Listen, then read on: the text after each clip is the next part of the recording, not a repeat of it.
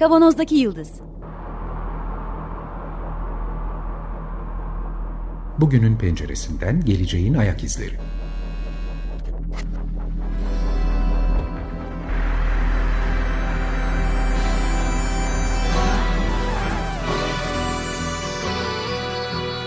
Hazırlayan ve sunanlar İsmail Başöz, Haluk Levent, Mustafa Yılmazer ve Fethiye Erbil. Zorlu Holding Sürdürülebilirlik Platformu Akıllı Hayat 2030, herkes için daha yaşanabilir bir dünya diler. Merhabalar, Açık Radyo'dayız. 94.9'da Kavanoz'daki Yıldız programında sizlerle beraberiz yeniden. Geleceğin ayak izlerini sürmeye devam ediyoruz. Fethiye bugünkü baş konuğumuz bizimle. Mustafa burada. Merhaba. Haluk da burada. Ben İsmail. Merhaba. Geçtiğimiz hafta başladığımız program dizisine bir süre daha devam edeceğiz. Geçtiğimiz hafta neye başladık? Geleceğin ayak izlerini sürüyoruz diye girdiğimiz, benim de çok sevdiğim bu alt başlıkta sunduğumuz bu programda pandemi sürecinde, salgın sürecindeki toplumsal, ekonomik, eğitim vesaire insan hayatındaki değişiklikleri e, izleyip bunlara karşı neler gelişiyor, hangi yolda gidiyoruz, nerelere doğru gideceğiz bir miktar fütüristik spekülasyonlarla beraber aslında olup bitenleri tartışmayı sürdüreceğiz. Geçen hafta bir takım fragmanlar vermiştik. Önümüzdeki bu uzun sürecek filmin fragmanlarını e, konuşmuştuk. Bunlardan bir tanesi eğitimle ilgiliydi ve eğitimin işte 100 yıldır devam eden, 100, yüzden fazla yıldır değil mi? E, örgün eğitim e, sanayileşmiş toplumda oluşturulan bu okula çocukların gelmesi, bir arada olması, teneffüslerde oynaması, ders saatlerinde öğretmenle beraber ders yapması şeklinde gerçekleşen, kimilerinin teneffüste oynarken başını yarması, kolunu kırması, kimilerin öğretmenlerinden dayak yemesi şeklinde gerçekleşen örgün eğitimin artık sonuna mı geliyoruz soruları çok fazla gündemde.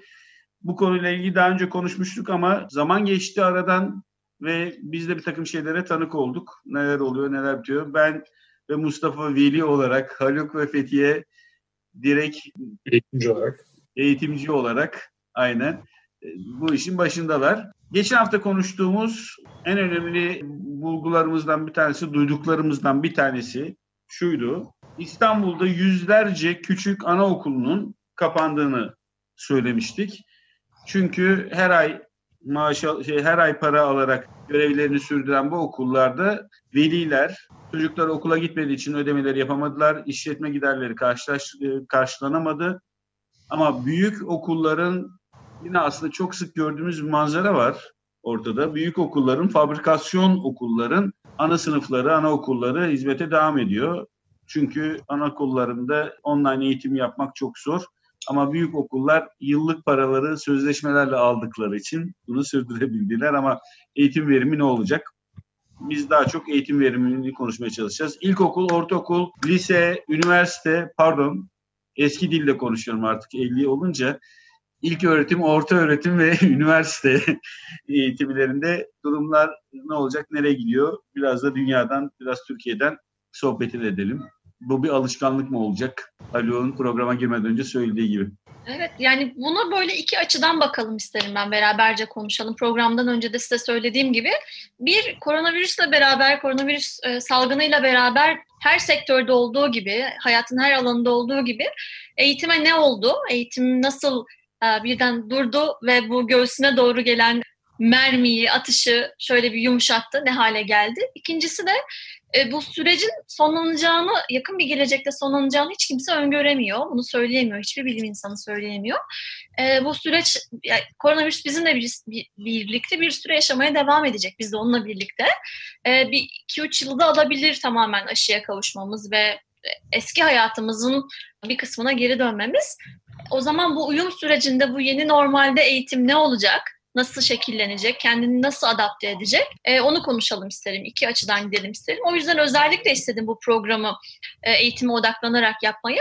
Bir önceki hafta İsmail'in söylediği gibi dünya üzerinde böyle bir e, aynı anda küresel olarak milyonlarca, milyarlarca insanın etkilendiği, her sektörün etkilendiği başka bir örnek yok herhalde. Herhalde bir tek göktaşı düşmesi, dinozorların yok olması falan vardır dünya tarihine bakınca. İnsanları dışarıda sayarsak. E, o, o da eğitim... dinozorları, dinozorları etkiledi zaten evet. insanları değil. Evet, insanları etkileyemedi. Biz de dinozoruz ama. O da var. Estağfurullah. Sen kendinden bahset. Şeyi söylemek istiyorum ben. Bir iki tane çarpıcı e, rakam vermek istiyorum. UNESCO'nun en son raporlarına bakarsanız bir onlar da durumun resmini çekmek için çok ivedilikle raporlar hazırladılar. E, diyor ki dünyanın dünyanın 190 ülkesinde yaklaşık 1.6 milyar öğrenci etkilendi bundan diyor. Bu da okul çağındaki çocukların %90'ı. 1.6 milyar çocuk etkilendi. 600 milyon da öğretmen etkilendi dünya çapında. Türkiye'ye dönecek olursak 16 Mart'tan itibaren yüksek öğretim kurumları fiziksel eğitime son verdiler. Böyle bir iki hafta arayla ama hepsi Milli Eğitim Bakanlığı'na bağlı kurumlar yani ilk öğretim ve yüksek orta öğretim kurumları fiziksel eğitime 24 Mart'tan itibaren son verdi. Peki ne yaptık? Bu süreci nasıl geçirdik? Ben de Haluk da size anlatabilir. E, sizler de veli olarak belki katkıda bulunabilirsiniz. Milli Eğitim Bakanlığı'nın ivedilikle sunduğu çözüm EBA'yı kullanmaktı. Milli Eğitim Bakanlığı kendi bilişim ağı, eğitim teknolojileri bilişim ağı, televizyonlardan hemen yayın yapılabilecek kanalları ayarlamaktı.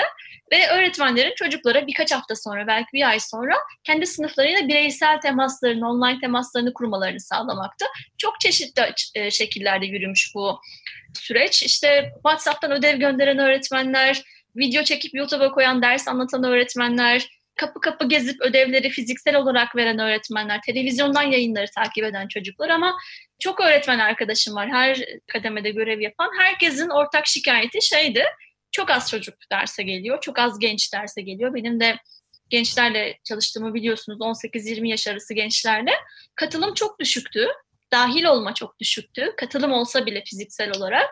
Ve yaşadığım en büyük zorluk etkileşim kuramadan öğrenciler ya karşımda ama işte kameraları kapalı, sesleri kapalı, tercih etmiyorlar açmayı.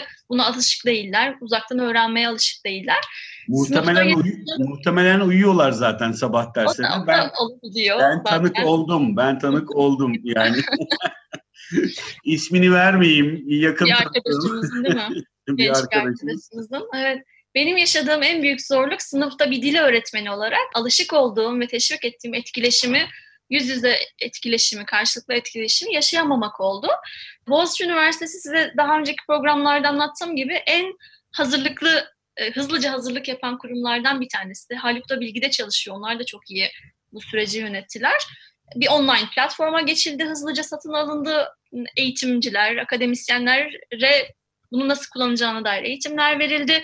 İmkanı olmayan öğrencilere tabletler, bilgisayarlar mümkün olduğunca yani gönderile, gönderilebildi ve 3 hafta ara vererek dönemi uzatarak biz yapabileceğimizin en iyisini yapmaya çalıştık ve bizim hazırlık sınavını da online yaptık. Sınav meselesi de çok önemli. Çok tartışmalı bir mesele uzaktan sınavlarda.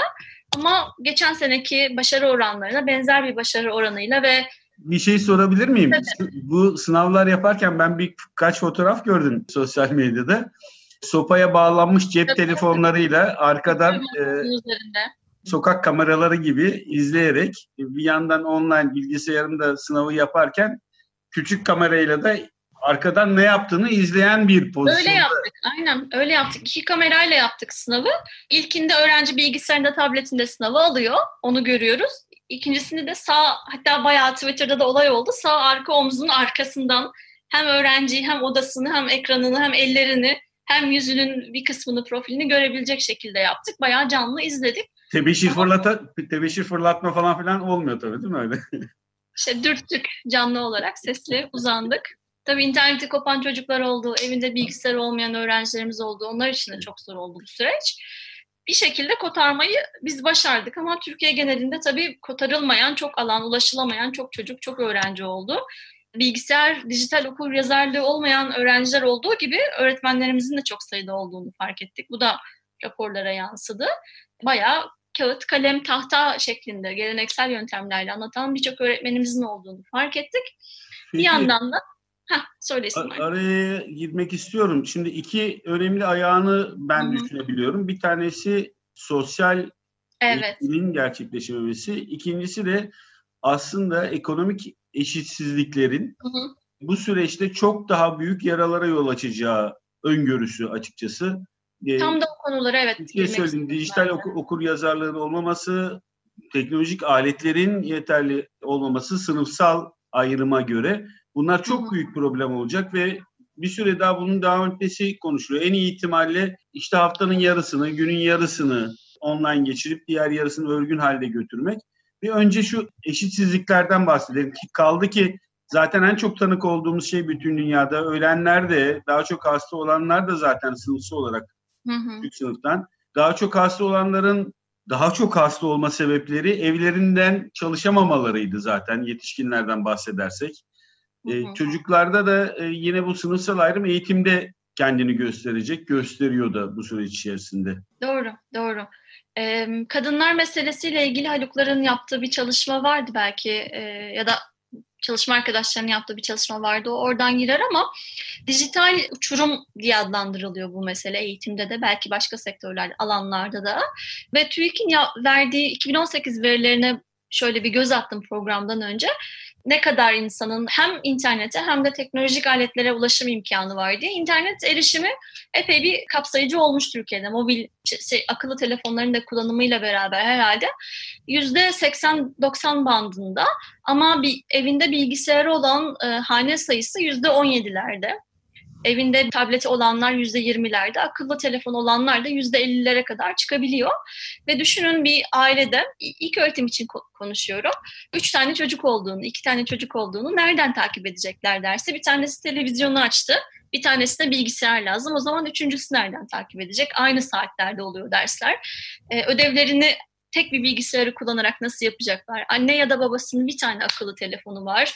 İnternet paketi biten, tükenen çok çocuk, çok öğrenci, çok aile olduğu süreçte. Yani senin dediğin gibi gelir eşitsizliğinin iyice görünür hale geldiği bir alan oldu. Gelir eşitsizliği ile beraber şunu da görebildik. Özel okullar yoğun bir şekilde eğitime devam edebildiler. Hem sosyal duygusal desteğe, öğretmenlerin küçük gruplarla, çocuklarla online de olsa buluşmasıyla hem de e, okuldan sonra e, varlıklı ailelerin, orta ve üst sınıfın çocuklarını gönderdiği özel kurslar var biliyorsunuz. O özel kurslar birebir derslerine işte 2-3 kişilik küçük grup derslerine devam edebildiler. Ama diğer öğrenciler hem standart bakanlığın sunduğu eğitime ulaşamadılar hem de herhangi bir ek desteğe ulaşamadılar. Bunun yanı sıra akranlarıyla etkileşimleri de olmadı. Bunu da kaybettiler. En azından 3 aylık yoğun kısıtlamaların olduğu süreçten bahsediyorum. Sonra da okullar kapandı zaten sınavsız geçtiler önümüzdeki döneme. Şimdi şey tartışılıyor eğitim araştırmalarında. Bu eşitsizlikler öğrenme kaybını normalde her zaman yazın 3 ay tatille birlikte olan öğrenme kaybı var. Bunu Eylül başındaki tekrar dersleriyle, telafi dersleriyle gidermeye çalışırdı okullar. Dünyanın her yerinde çok çok kısıtlı bir şeyde olanaklı da olsa da. Şimdi Eylül'e kadar eğer okullar eğitime açılmayacaksa ki Türkiye'de öyle 31 Ağustos'ta başlayacak. 20 hafta boyunca 20-25 arası hafta boyunca çocuklar okuldan uzakta kalmış olacak diyor. Bu daha önce hiç karşılaşmadığımız bir eğitim kaybı ve işte dil eğitimi e, dil alanındaki gelişme, matematik eğitiminde bu geri dönüşü olmayan, telafisi mümkün olmayan sonuçlara e, sebep olacak, sonuçları yaratacak diyor ve belki de bir önceki dönemi tekrar etmek gerekecek diyor. Ve bunu hiçbir şekilde öngöremiyoruz diyor. E, tekrar edersek de yine orada gibi görünüp ama kamerasını kapatıp da katılmayan çocukların varlığından bahsedeceğiz yine. Öyle, öyle. Benim öğrencilerimin bana söylediği en çarpıcı yorum şuydu dersin sonunda. Neden dedim bu yani şey katılım azlığı, burada olsanız bile katılım azlığı. Siz online öğretmeyi de bilmiyordunuz hocam. Tamam eğitimler aldınız kısa bile olsa ama biz de online öğrenmeyi bilmiyoruz. Bize bunu hiç kimse öğretmedi dediler. Ben bunu hiç böyle düşünmemiştim açıkçası. Bu da Z nesli zaten. Gözüne sokmadıkça. Şey ben de birkaç şey söyleyebilir miyim? Bir, bir, bir, bir tanesi tabii burada gerçekten çok ciddi büyük bir eşitsizlik var. Bu eşitsizlik gelir eşitsizliğiyle hafifletilemeyecek kadar büyük bir eşitsizlik. Çünkü bugün okul özellikle okul öncesi eğitimde işte ilk öğretimde, orta öğretimde meydana gelen bu büyük farklılaşma jenerasyon kuşaklar boyu etkisini sürdürecek bir şey. Dolayısıyla bu gelirde değil e, o geliri üretecek olan kabiliyetlerde, vasıflarda büyük bir ayrışmaya neden oluyor kökte. Dolayısıyla onun ileriye doğru çok büyük etkileri olacak ve bunun giderilmesi çok zor. İkincisi burada unutulan bir mesele var. Geçenlerde bizim üniversite yönetim kurulu da gündeme geldi. Oradan fark ettim ben de. Ben benim de aklıma gelmemişti. İşitme ve görme engelli çocuklar var. Şimdi bunlar için özel tedbirler almak gerekiyor. İşte ona yönelik neyse ki teknolojik çözümler var. Yani sesi e, yazıya dönüştüren ya da işte yazıyı sese dönüştüren falan programlar. Şimdi üniversiteler bu programları ama bunu bütün okulların yapması mümkün olmayacak. Özellikle devlet okullarını falan düşünecek olursak onlar ne olacak? Yani bu da çok ciddi bir problem. Dolayısıyla bu konuları şey yapmamız lazım. Ben Fethiye bitirdikten sonra bu konularda ya bir, bir şey daha söyleyeyim. Bizim deneyimlediğimiz yani Fethiye aynı şeyleri ben de yaşadım. Deneyimlediğimiz şey aslında gerçek anlamda online eğitim değil. Tabii. Örgü yürütülen eğitimi bir şok dalgası sonucunda biz online bir platforma taşıdık. Bunun adını söylemiştik. Evet. Acil uzaktan eğitim. Evet. Aa, çok güzelmiş. Online değil yani. Bu bambaşka bir şey çünkü. O çünkü online eğitimde aslında büyük potansiyeller var. Yani uzun zamandır atıfta bulunmuyordum ama 24. yüzyılda bu meselenin nasıl yapıldığına Daha iki hafta önce sınıfta bulundum. Star Trek'te. gelecek olursak e, Star Trek'in bu Voyager'la beraber e, giden bir 7 sezonluk dizi vardır. DS9 diye bilinir. e, Derin Uzay 9. Orada bir ikincil bir karakter öğretmen. Yani bütünüyle o eğitim etrafında böyle zaman zaman girer çıkıyor ama sonuçta eğitim sistemini anlayabileceğimiz bir dizi anekdotlar oluşuyor. Şimdi online eğitimin o zaman yapıldığını biliyoruz. Yani görüyoruz daha doğrusu. Online eğitim çünkü eğitimin bireyselleşmesiyle de çok ilgili bir şey. Haluk çok Ve- güzeldi. O zaman yapıldığını biliyoruz lafını özellikle Evet. hatırlatmak Evet. istiyorum. Çok güzel. Ee, yani fütüristik ama gerçekçi bir fütürizm var tabii her zamanki gibi. Yani Star Trek'in e, yaklaşımı budur zaten. Bireyselleşme ve sınıf eğitimi oluyor ama böyle tabii kapalı, izole bir toplumda çünkü uzaya yayılmış bir sürü mekanlarda falan işte yani istasyonda, uzay gemisinde, şunda bunda bir birden fazla yani çocukların başında bir mentor olarak öğretmen görev yapıyor.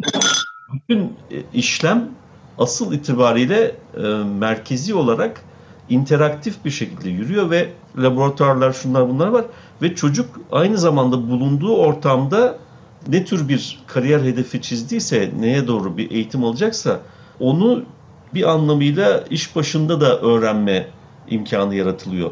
Dolayısıyla böyle çok yönlü, kapsamlı bir şey tabii en önemli farklılık da bir bolluk toplumu portresi çizilmiş olduğu için eğitimi en çok parayı nerede kazanırım ben diye düşünmek yerine en çok neyi merak ediyorum, en çok neye yatkınım sorusunun cevabını onun o sorunun peşinden giderek e, çok- yapıyorlar. Çok önemli bir şey ya. Yani gerçekten en çok neyi merak ediyorum? Merak ediyorum. Bu merak ettiğim şeyle nasıl temas kurabilirim?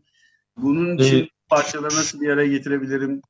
Şunu da söyleyeyim, şaşırtıcı bir şekilde tasvir edilen 24. yüzyılda eğitim teknolojisi aslında bugün sahip olduğumuz teknolojiyle çok farklılık taşımıyor. Yani orada gördüğümüz şeyler aslında bugün elimizin altında Belki var. daha bile ilkel yani. Biz daha ötesine bile çok rahatlıkla geçebiliriz ama yani teknoloji eğitimi, eğitim teknolojileri, dijital eğitim konularında çalışan uzman arkadaşlarım var. Onları da davet edebiliriz ilerleyen programlarda. Her zaman her mecrada söyledikleri şey eğitim teknolojilerinde, dijital eğitimde en önemli şey sahip olduğunuz dijital aygıtlar değildir. Öğrenim, öğrenme ortamının tasarımıdır. Öğretmenin yetkinliğidir ve öğrencinin hazır oluşu ve bunu kullanabilme becerisine erişmiş olması en azından o yola girmesidir Evet. diyorlar. Şimdi ben burada sık sık kullandığınız lafın da aslında bir ipucu verdiğini söyleyeceğim. Öğrenmenin, öğretmenin aslında eğitim içermediğini Tabii. tek başına özellikle de ilk orta öğretimde eğitim kısmının bu şekilde becerilmesinin neredeyse mümkün olmayacağını söyleyebiliyoruz. Söyle, söylüyorum, düşünüyorum. Mesela teneffüste diyelim ki oyun oynarken okulun camını kırdığımızda onu kimin kırdığını söyleyip söylememenin eğitimin çok önemli bir parçası olduğunu düşünüyorum. Bu öğrenmek değil mesela. Yani bu bunu kim söyleyecek? Söyleyecek mi? İşte arkadaşların birlikteliği, Hı hı. kimle oynayacak, kimle oynamayacak. Bir bu. Bu bir örnek olarak söyledim. İkincisi sınıfta elbette bizim seçtiğimiz insanlarla beraber olmuyoruz. Tamam teneffüste oynarken seçtiğimiz arkadaşlarla oynuyoruz ama sınıftaki grup çalışmalarındaki arkadaşlarımızı biz seçmiyoruz. Tıpkı hayatın geri kalanında olduğu gibi. Doğal olarak da orada yüz yüze bir arada gerekirse kavga ederek, kimi zaman küserek, topluca bir şey yapmak ve bunun sonucunda topluca karşılamak eğitimin çok önemli bir parçası olduğunu düşünüyorum ben. Öğretmenin de eğittiği, kendisini eğitmek zorunda kaldığını yıllar içerisinde buradaki karşılıklı etkileşimin eğitimin çok önemli bir parçası olduğunu düşünüyorum. Şimdi bundan mahrum kalmak da söz konusu olacak. Kesinlikle. Her ikiniz de üniversitede eğitim veriyorsunuz. Ama orta öğretimde hele hele ilk öğretimde en büyük problemin bu olduğunu düşünüyorum ben aslında. Benim oğlumun yaşadığı bir olay var. Daha ilkokul birinci sınıftaki okul hangi akla hizmet bir karar almıştı? Birinci sınıf öğrencileri teneffüste dışarı çıkmayacak diye. Sözüm ona sözüm ona koruyorlar. Birinci sınıf öğrencilerini yaralanmadan vesaire falan filan. Benim oğlum da bir şekilde çıkıyormuş. Yani isyan mı isyan değil. Yani yapması gereken şeyi doğallığında yapıyormuş vesaire. E bu sonuçta ceza alıyormuş. Yani aldığı ödül puanlarından kesilmesi falan filan. Muş diyorum hiçbirinden haberimiz yok. Gerek bunun çıkması, dışarı çıkması, gerek sonucunda e, aldığı cezanın sorumluluğunu bir şekilde taşıyor olması, bunun velilerin bundan hiçbir haberinin olmaması, bunlar da mesela bir örnek olarak söylüyorum tekrar, eğitimin çok önemli parçaları bunlar. Bunlardan mahrum kalması da bu süreçte gerçekten bence çok korkutucu. Bir fiziksel ya da yan yanalık etkileşiminden mahrum kalacaklar eğer bu şekilde organize edilirse durum. Sosyal eğitimi gerçekleşmesi çok zor. Bir başka problem, çok büyük ve çok köklü bir problem. Yani bunu da yeni yeni fark ediyoruz.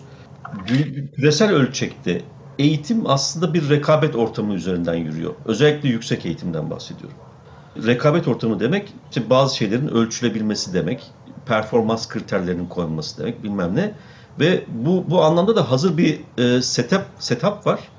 Bu da bütünüyle örgün eğitim temelinde hazırlanmış bir setup. Şimdi birdenbire online eğitime dair çok yatırım yapmaya başladı üniversiteler. Yani o acil uzaktan eğitimin ötesine gerçek anlamda online eğitim nasıl verebiliriz, verebilir miyiz falan diye yatırım yapmaya başladılar. Ama bu bu performansla yani bu performans ölçütleriyle bu yeni sistem aslında çok çelişiyor, uyuşmuyor. Dolayısıyla orada ne olacak, nasıl çözülecek bu mesele büyük bir soru işareti mesela. O eğitim felsefesini tamamen radikal olarak değiştirmemiz gerekiyor. Ölçüm dahil, yani öğrencinin sınavları, şusu busu falan dahil. Yani biz hep böyle işte bir polisiye yöntemlerle e, aman öğrenci kopya çekiyor mu çekmiyor mu nasıl yapıyor ne ediyor falan hep içimizde bir kuşkuyla mükemmel kağıtlar gördüğümüz zaman acaba bunu kendi mi yazdı başkasına mı yazdırdı kuşkusuyla örgün eğitimde de vardı tabii bu online'da beraber ortaya çıkmış bir şey değil ama işte bu bütünüyle eğitim sisteminin öğretimden uzaklaştırılıp gerçek anlamda bir eğitime, bir öğrenme sürecine dönüştürülmesini de zorunlu kılıyor. O anlamda da o soru işaretinin olumlu yönde e, bir işaret olarak algılamak da gerekiyor bence. Evet, buna üniversitelerin yani benim içinde bulunduğum kurumdan konuşuyorum. Öğrenciler açısından, belki de çalışan akademisyenler açısından da kaybettiği en önemli bu süreçte şeyler ne olur diye kendi kendime sorduğumda fark ettiğim iki şeyden biriydi Haluk'un söylediği. Biz her zaman high stake sınavlar deniyor buna. Yani çok yüksek sayıda insanların girdiği ve insanların hayatını değiştiren sınavlar. Mesela hazırlık geçme sınavı, üniversite sınavı gibi bir hazırlık geçme sınavı tartışmaları yaparken kendi içimizde hep bir öğrencileri kontrol, ekranlarını kontrolden vesaire bahsettik. Tamam ama daha minik sınavlarımız da var arada. Hep şeyi sordum ben kendi kendime. Ya biz neyi ölçüyoruz, neyi öğretmeye çalışmışız ve bunu bu yöntemle ölçmenin dışında başka bir yöntem hiç düşünmemiş miyiz daha önce? Neden bu kadar çok kontrol e, odaklı olmuşuz. Ve öğrenci bu kadar elinin altında bunca sene internet varken, bilgisayar varken, bütün teknoloji varken özellikle son 10 senede belki kendi kendine araştırma yapabilmeyi, İngilizceden bahsetmiyorum, Türkçe araştırma yapabilmeyi, kaynak kullanabilmeyi, özgün bir ödev, bir sayfalık bir özet üretebilmeyi öğrenemeden bize geliyor. Türkiye'nin en iyi üniversitesi Boğaziçi Üniversitesi'ne geliyor. Bunu verememişiz. Böyle bir acil uzaktan eğitimde bu bizim suratımıza gerçekten çarptı. Bunu yapamayan, bilgisayar karşısında dersi takip edemeyen, kendi öğrenmesini düzenleyemeyen, kendi sorumluluklarını düzenleyemeyen 18-20 yaş arası bireylerle karşı karşıyayız. Bu en gerçekten kaymak tabaka öğrenciler. Performans açısından söylüyorum. Geri kalanların halini varın siz düşünün. Bu şey gibi oldu. ekonomik alanda çok kötüye gidiyoruz. Ama zaten öncesinde kötüydük. Bütün dünyadan bahsediyoruz. Eğitim, eğitimde çok kötüye gidiyoruz. E zaten öncesinde kötüydük.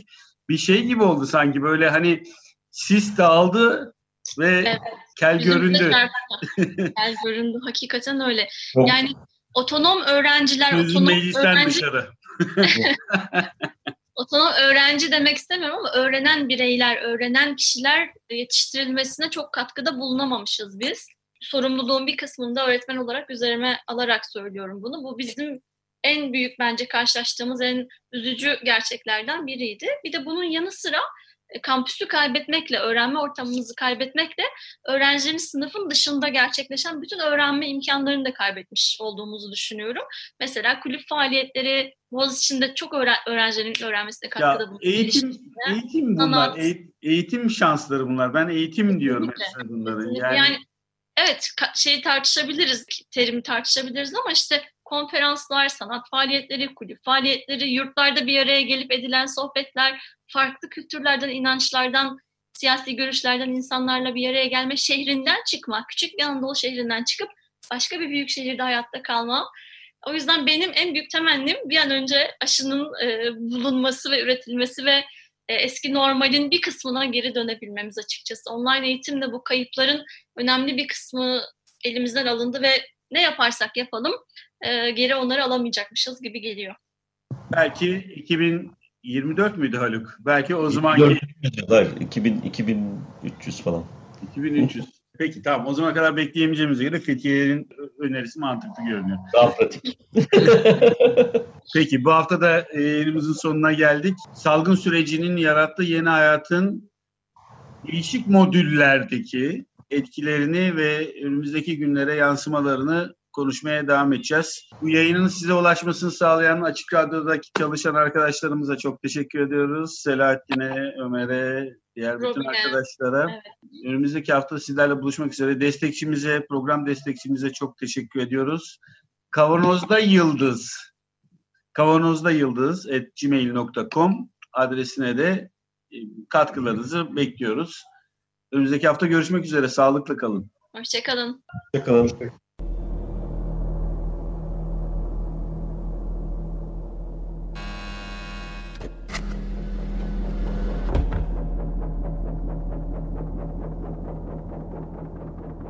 Kavanozdaki Yıldız Bugünün penceresinden geleceğin ayak izleri.